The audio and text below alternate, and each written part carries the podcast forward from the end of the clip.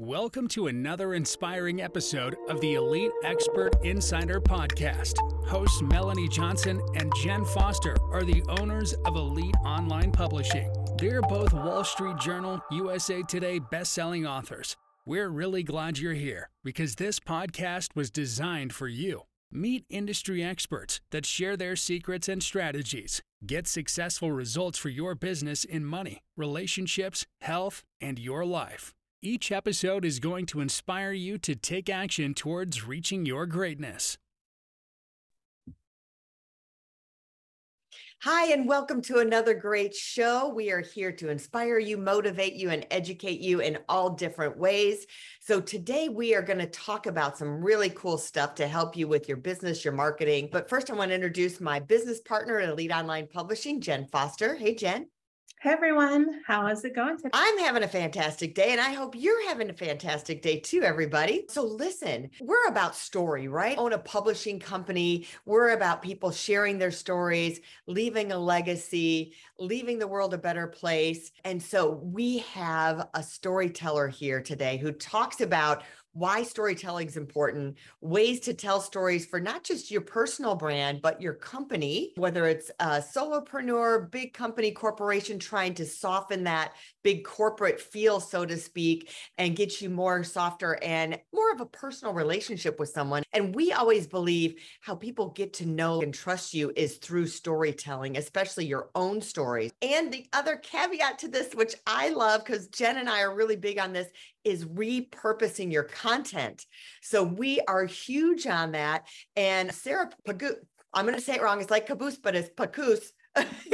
is with us today and she is a master at this so she is going to share with us her strategies and tips not just on storytelling but also on repurposing your content sarah welcome for coming today Hey, thanks so much. And no worries on the name. It's Sarah Panu. You, you almost got I, I, wrote it down. I still didn't get it right. My mind it's was like one of those that doesn't sound like how it looks. So all good. you awesome. say it three times. Yeah. Sarah, tell us a little bit about how you got started in storytelling and repurposing and helping businesses. Yeah, definitely. So my journey started a little over 20 years ago. And really, what got me to where I am now is I was in a place of working for 20 years for other people, working on the corporate side and on the agency side, mainly on the corporate side, leading content marketing strategy and social and influencer marketing and all those things. And I was really at a point where I had seen and learned the benefit uh, firsthand of how incredibly powerful storytelling is at driving results. And I was just craving more and more of that. And I, at the same time, I was also craving sanity in my life and making sure that like I could help people, I could do great work, I could use my creativity, but also be there for my family. So I was like at this crossroads a few years ago, and it was actually expedited by COVID, I would say, to where I am now. So 20 years working for others, like I said. And right before COVID hit, I actually started a side hustle, which is my my current business, which is called Kindred Speak. It's a brand storytelling consulting company. And I had started as a side hustle because I talked with my employer. I worked for Sleep Number, which is a large billion dollar sleep wellness retailer, and I was leading their content strategy for 12 years working there. And I was like, I love what I do, but creatively, I just want to work with other people too. Like I don't want to just stay here for the rest of my life. And they understood that. And so I had this whole game plan that I was going to start this side hustle and do some projects on the side and just to feed my creative juices. Well, COVID hit. And as it did for so many of us, created a lot of, oh my goodness, what is going on? I ended up being furloughed along with 40% of the company. And at that moment, I was like, okay, I'm going to go all in on this side hustle idea. And instead of it as a side hustle, let's think of it as a full time thing. And so that's what I did. And so after furlough ended, I was like, I don't want to go back full time. I want to do this. I want to do consulting. So I've been running my, I'm a newer entrepreneur. I've been running my own business now for a little over two years and working with corporations and content marketing professionals who really want to connect with their audiences through brand storytelling and need help doing it better. And the big piece with me is it's like feeling doing work that you're really proud of, doing work that you feel good about, feeling like your work is matter. It matters because we all put so much time into our work, right?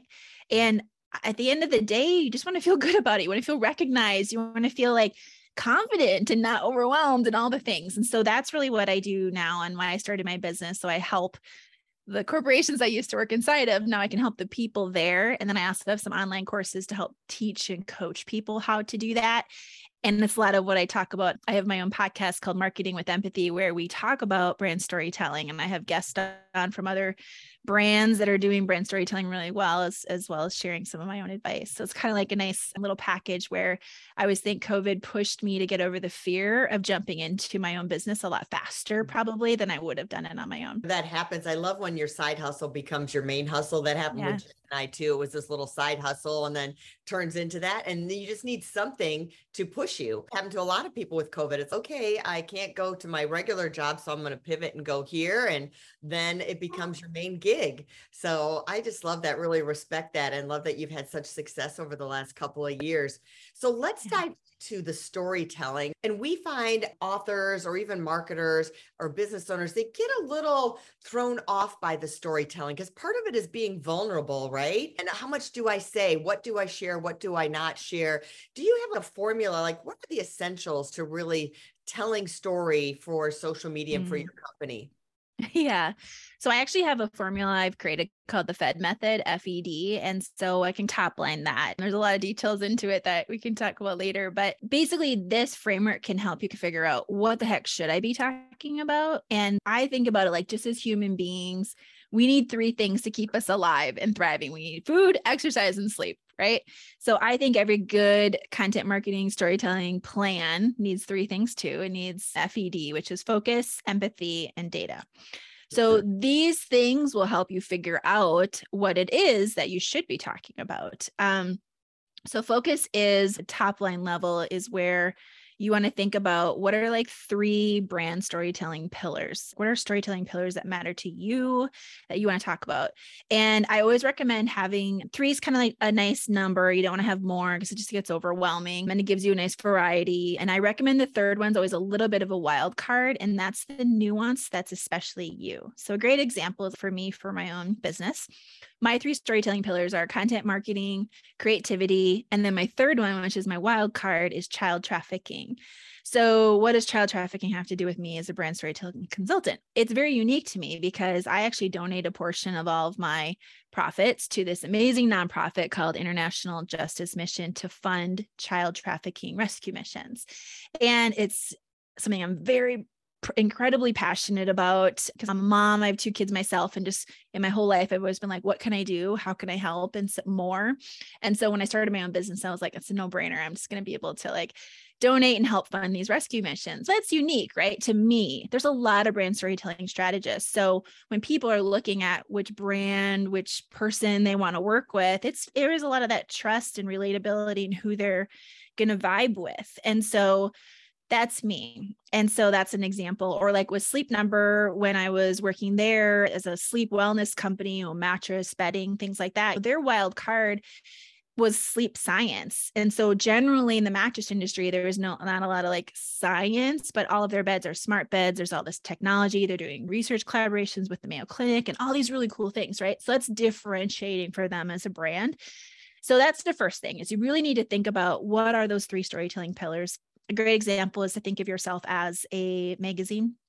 And if you were talking to somebody else you're like oh yeah i have i'm this i have this magazine and we talk about x y and z. That's how like focused you want to get because then all future ideas need to ladder up into one of those three things. And if they don't do it don't talk about it it'll distract you it'll be confusing to your audience or tweak the idea until it does ladder back up into one of those umbrella pillars. So that's focus and then empathy. Like um, yeah, I, thank I you. For, and then empathy.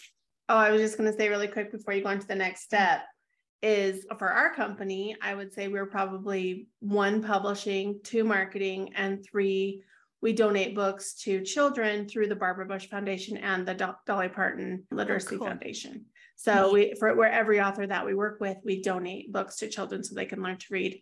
So that's probably our differentiator, would you say? Or that, does it always have to be a charity or is it something where you could mm-hmm. add a totally different wild card?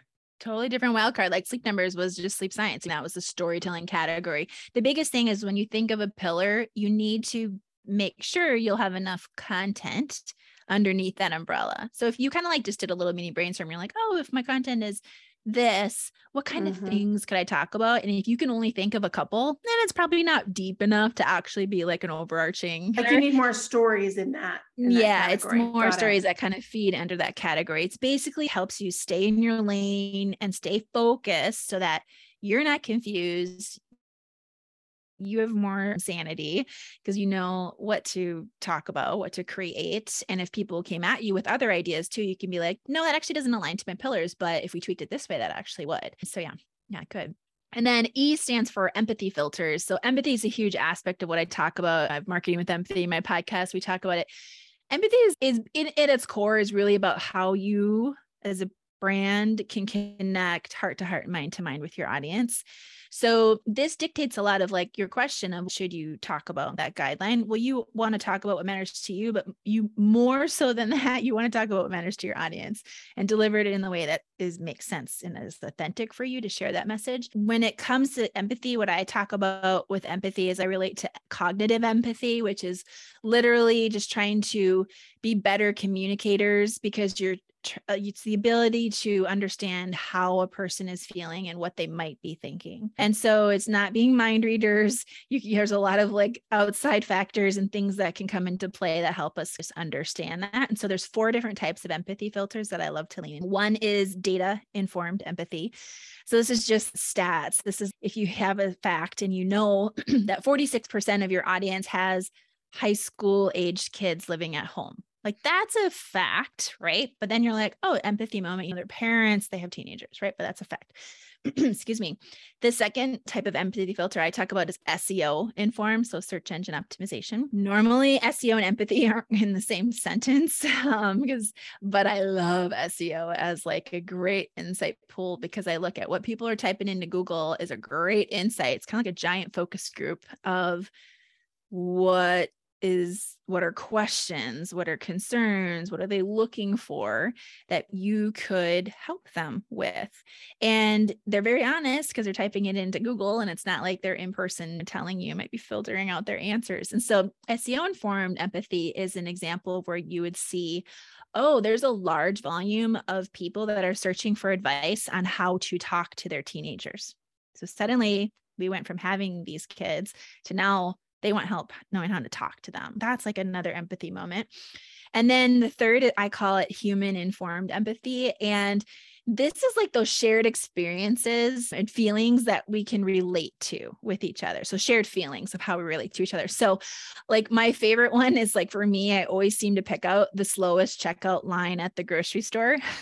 like, what is happening? How do I always get like the slowest checkout line? And so many people can relate to that because they're like, yes, me too. Or Spotify did an amazing content storytelling campaign around the fact that people will wait and not get out of their cars if a really good song is playing they'll wait until the song is done.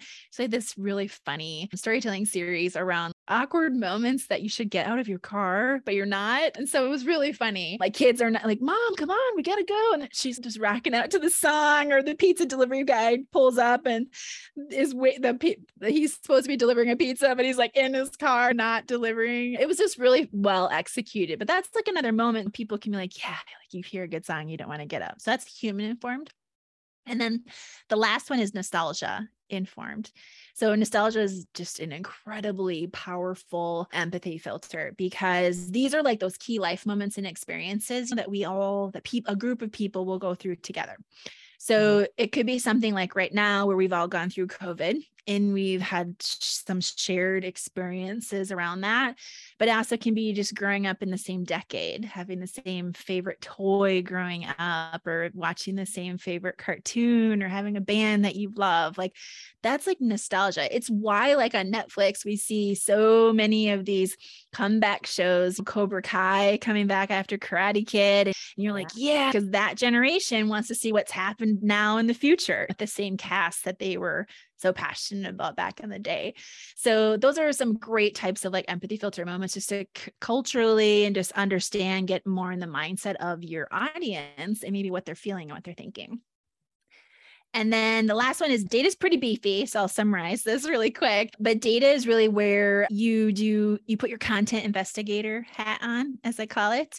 And you're going to look at both internal and external resources to understand what is the data showing you. So I love pairing focus, empathy, and data together because where they intersect and where you start to see trends and similar things keep popping up, that's a real big like thing create content around that. So data can come from SEO, like I was sharing. If you have like customer like loyalty programs and you can pull your existing customer base, paid media insights, you know, what's been working really well, what hasn't been working really well. If you have employee from them and what they're hearing, what they're feeling from the customers or what them they themselves third party research that you can just find online from other sources or you can purchase, right? There's a lot of different places you can look for this type of data.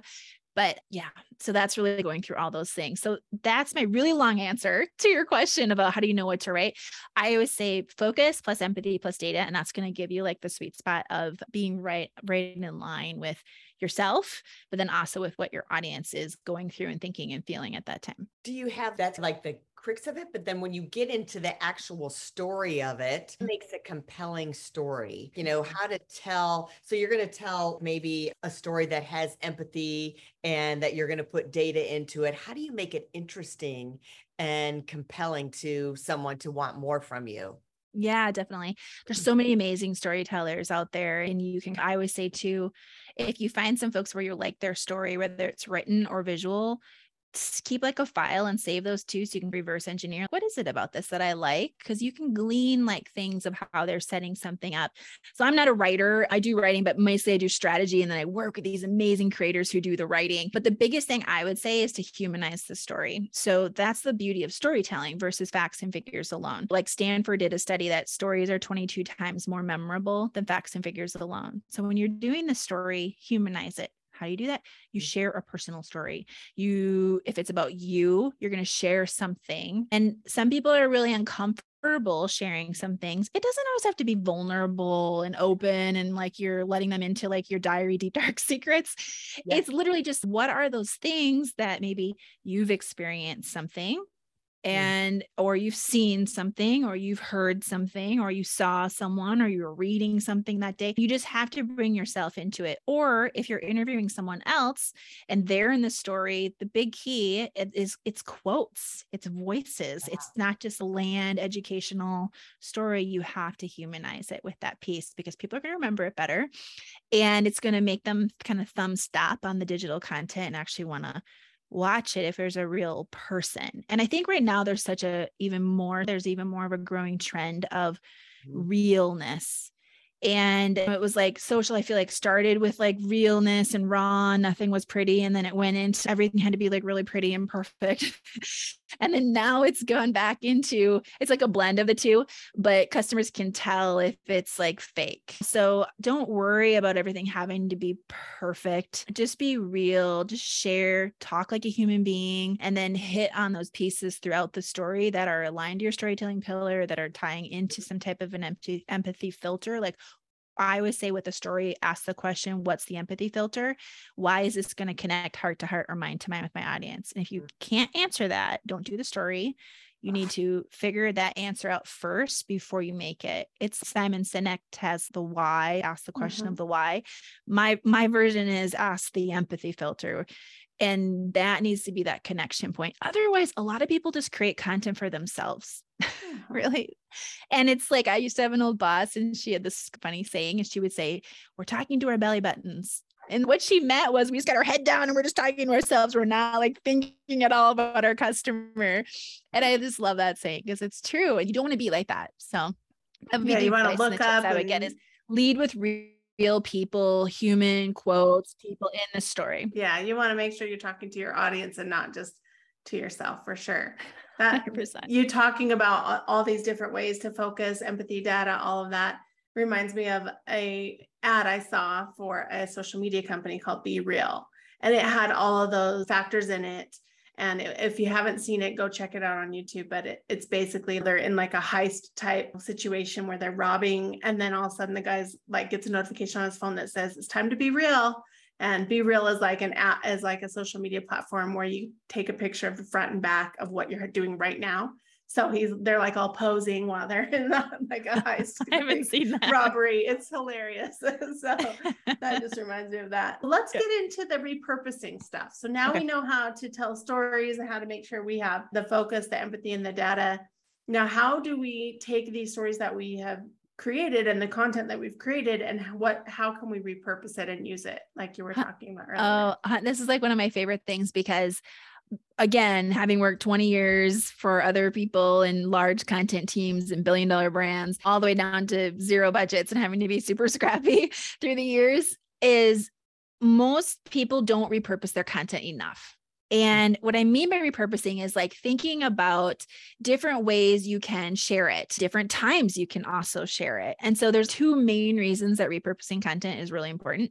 One is it's going to give you more sanity. I'm a big fan of sanity because in my past career, I didn't have a lot of sanity. And so everything I do, I'm like, you need sanity because you're going to be happier when you're sane, aren't you? So one is going to give you that sanity because you're not going to feel like you have to create everything from scratch and think of new ideas constantly because who has time for that? I know that teams are really stretched thin and a lot of people listening, you may be the only team, you're a team of one, right? So you're even more stretched thin and you're trying to do all the things. So it can be really overwhelming and confusing if you're approaching content and brand storytelling in that way. And, and then the second reason is it's going to help you drive better results because repurposing content really does help your content get seen by more people, like more of your audience over time. And it's also valuable because it's helping the various communication channels. It's just not one and done. And Mhm. it's also going to help you optimize like previous top performing content in different ways. The internet, as we all know, is a very busy place. And your brand, your company is competing for people's attention just like everyone else's, right? We, as whether we're solopreneurs or large business owners or something in between, are competing for attention with like huge you know social platform publishers and media outlets and things now we're all publishers of content social has made that an option. and every hour there's just you look up the stats and there's just so much happening and so much content that is published in like a minute, like every minute on the different channels. So you want to think about how to repurpose your content like a pro so that you work smarter and not harder. And basically what you want to do is you want to stretch it out and you and I would say milk it for all it's worth, okay? in its simplest form. So the first thing you want to do to repurpose content then is you want to map out first all the different channels and or partners that use and share content for your brand. So I call that your content ecosystem slide, just one slide to map out all the different places that content can live. It doesn't mean that every single piece of content is going to work for all those channels, but just make an outline of all the different channels that both internally and externally of the partners that you have. And that's really going to just become your blueprint that you can keep coming back to just to make sure you're not forgetting something. Okay. And then strategically, if you have other partners and teams or employees in these areas, then you want to make sure you're going to have conversations with all of those in advance. So this is part of the strategy perspective and creating allies, like who are going to be, who's going to be locking arms with you. And they're like, yeah, I want that content. I want to share that content. But you need to have those conversations, those strategic conversations first, because if you just create it and then hand it off to someone, they may not like it. They might be like, this is totally wrong for my channel. This doesn't work for this channel. We don't even need this. We have other things that we're creating. The timing is terrible. You know, right? There's so many different variables there. Mm-hmm. So you want to have those conversations first, understand their goals. So then that way you're also co creating content in a way that makes sense for your business, for your brand, for your partners. So then, assuming you've done those two things, then it's time to repurpose. And like I said, what this means is literally taking one piece of content and repackaging it or editing it in different ways that's going to work across different channels. So I have three different examples I can share for common types of content I feel like that all businesses have. One is like a video. Okay. Let's say you have one video. That one video can be repurposed and made into 20 different pieces of content across all your channels over time. So I'll unpack like how that works. That video could be a long form video. It could be from a video shoot. It could be an animated video. I mean, like it can be any kind of video. Okay. But it needs to be a video. So with like lots of some details in it. So you have one video. So the benefit is you want to think from both an organic and a paid perspective, like in your ecosystem, and then you can think organic and paid here, like how that one video can be used in different places. So let's say that one video can then be made into one blog post. And the blog post can be optimized for SEO, lots more text, give some additional quotes and context and things, and the video gets embedded in that story. Then that blog post could then be sectioned out into if Pinterest is a platform that you're interested in or whatever social channel, but let's say it could be made into 10 different pins for Pinterest, pulling quotes, headlines, subheads, like intriguing questions that the post will answer. You just create 10 different graphics, boom, boom, boom, but they all link back to that blog story or to that video, right? And then you can also like take some of those multiple bits and that you maybe you've made for Pinterest and uh, make that into social video. Like I say video in quotes because not shot video necessarily, but it could be like the visual, the static images made to move so it looks like a video, right? Or it could be sectioned out as a snippet from your long form video that is an actual social video you add that to your YouTube channel, and then you think of what are cut downs that you could use from that for paid ads.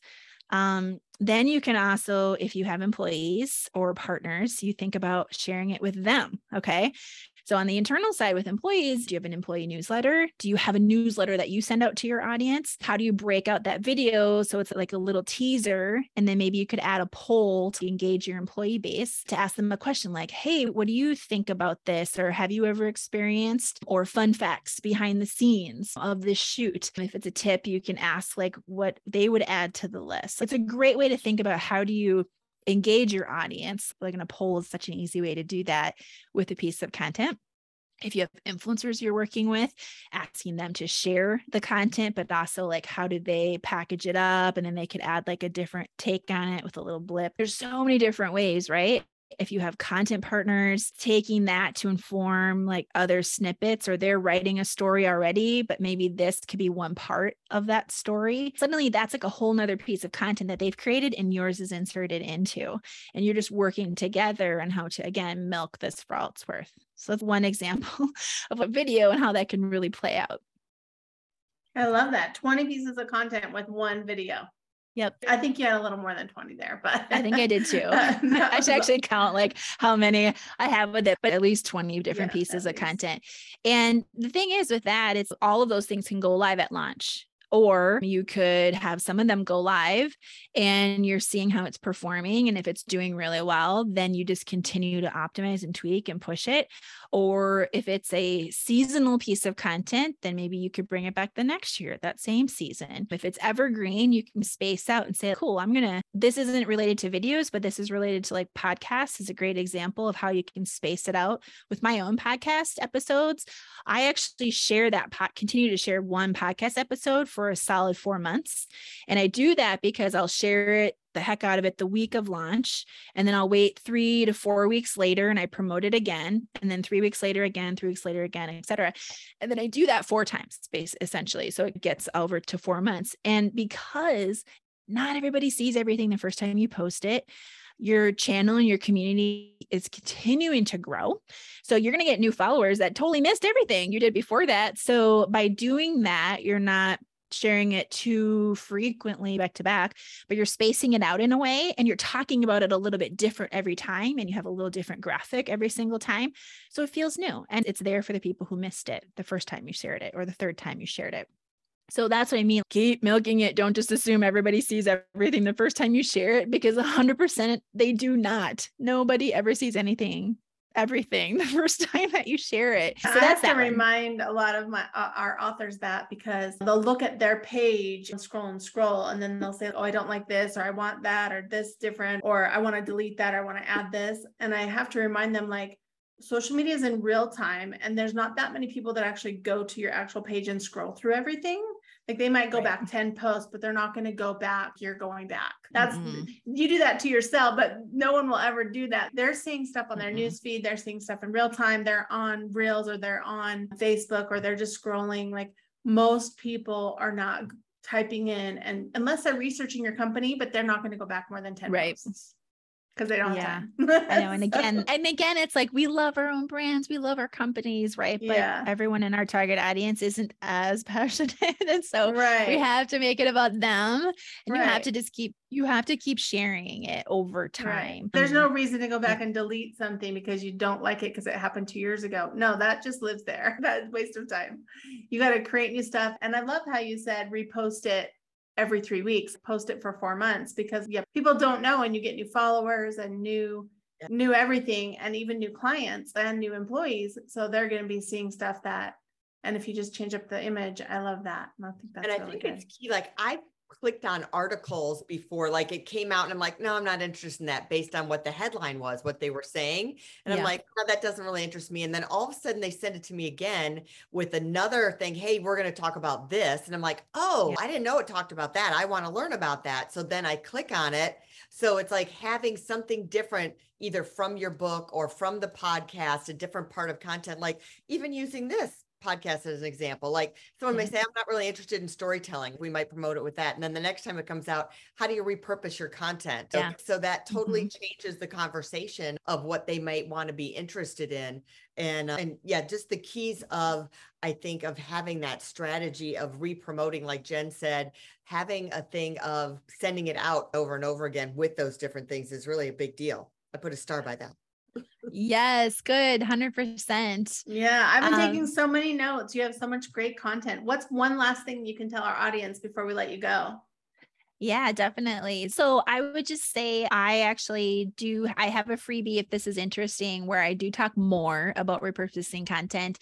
And I also talk about other things. It's, I call it three ways to improve your content strategy this year. So this is interesting and you want to get even more Fox, I get more into repurposing content. I get into humanizing. And I also talk about creating a content advisory board. Like essentially, how do you create like a team of advisors and allies that are going to help you grow your storytelling business and support you along the way. So I'll share the link with you guys and you can drop that into the show notes for folks. And I would just highly encourage everyone if you're if this topic is interesting of storytelling as well, join me on over in marketing with empathy. I would love to to have you over there too. Sounds And you- good. The other big thing that I got out of this too is having content strategic partners that you share each other's content. I'm like, we talk about Mhm. having strategic partners for your book launch, but doing it for your content, I think is huge. We've never done that before. So I think that's a really good um, tip that you had there.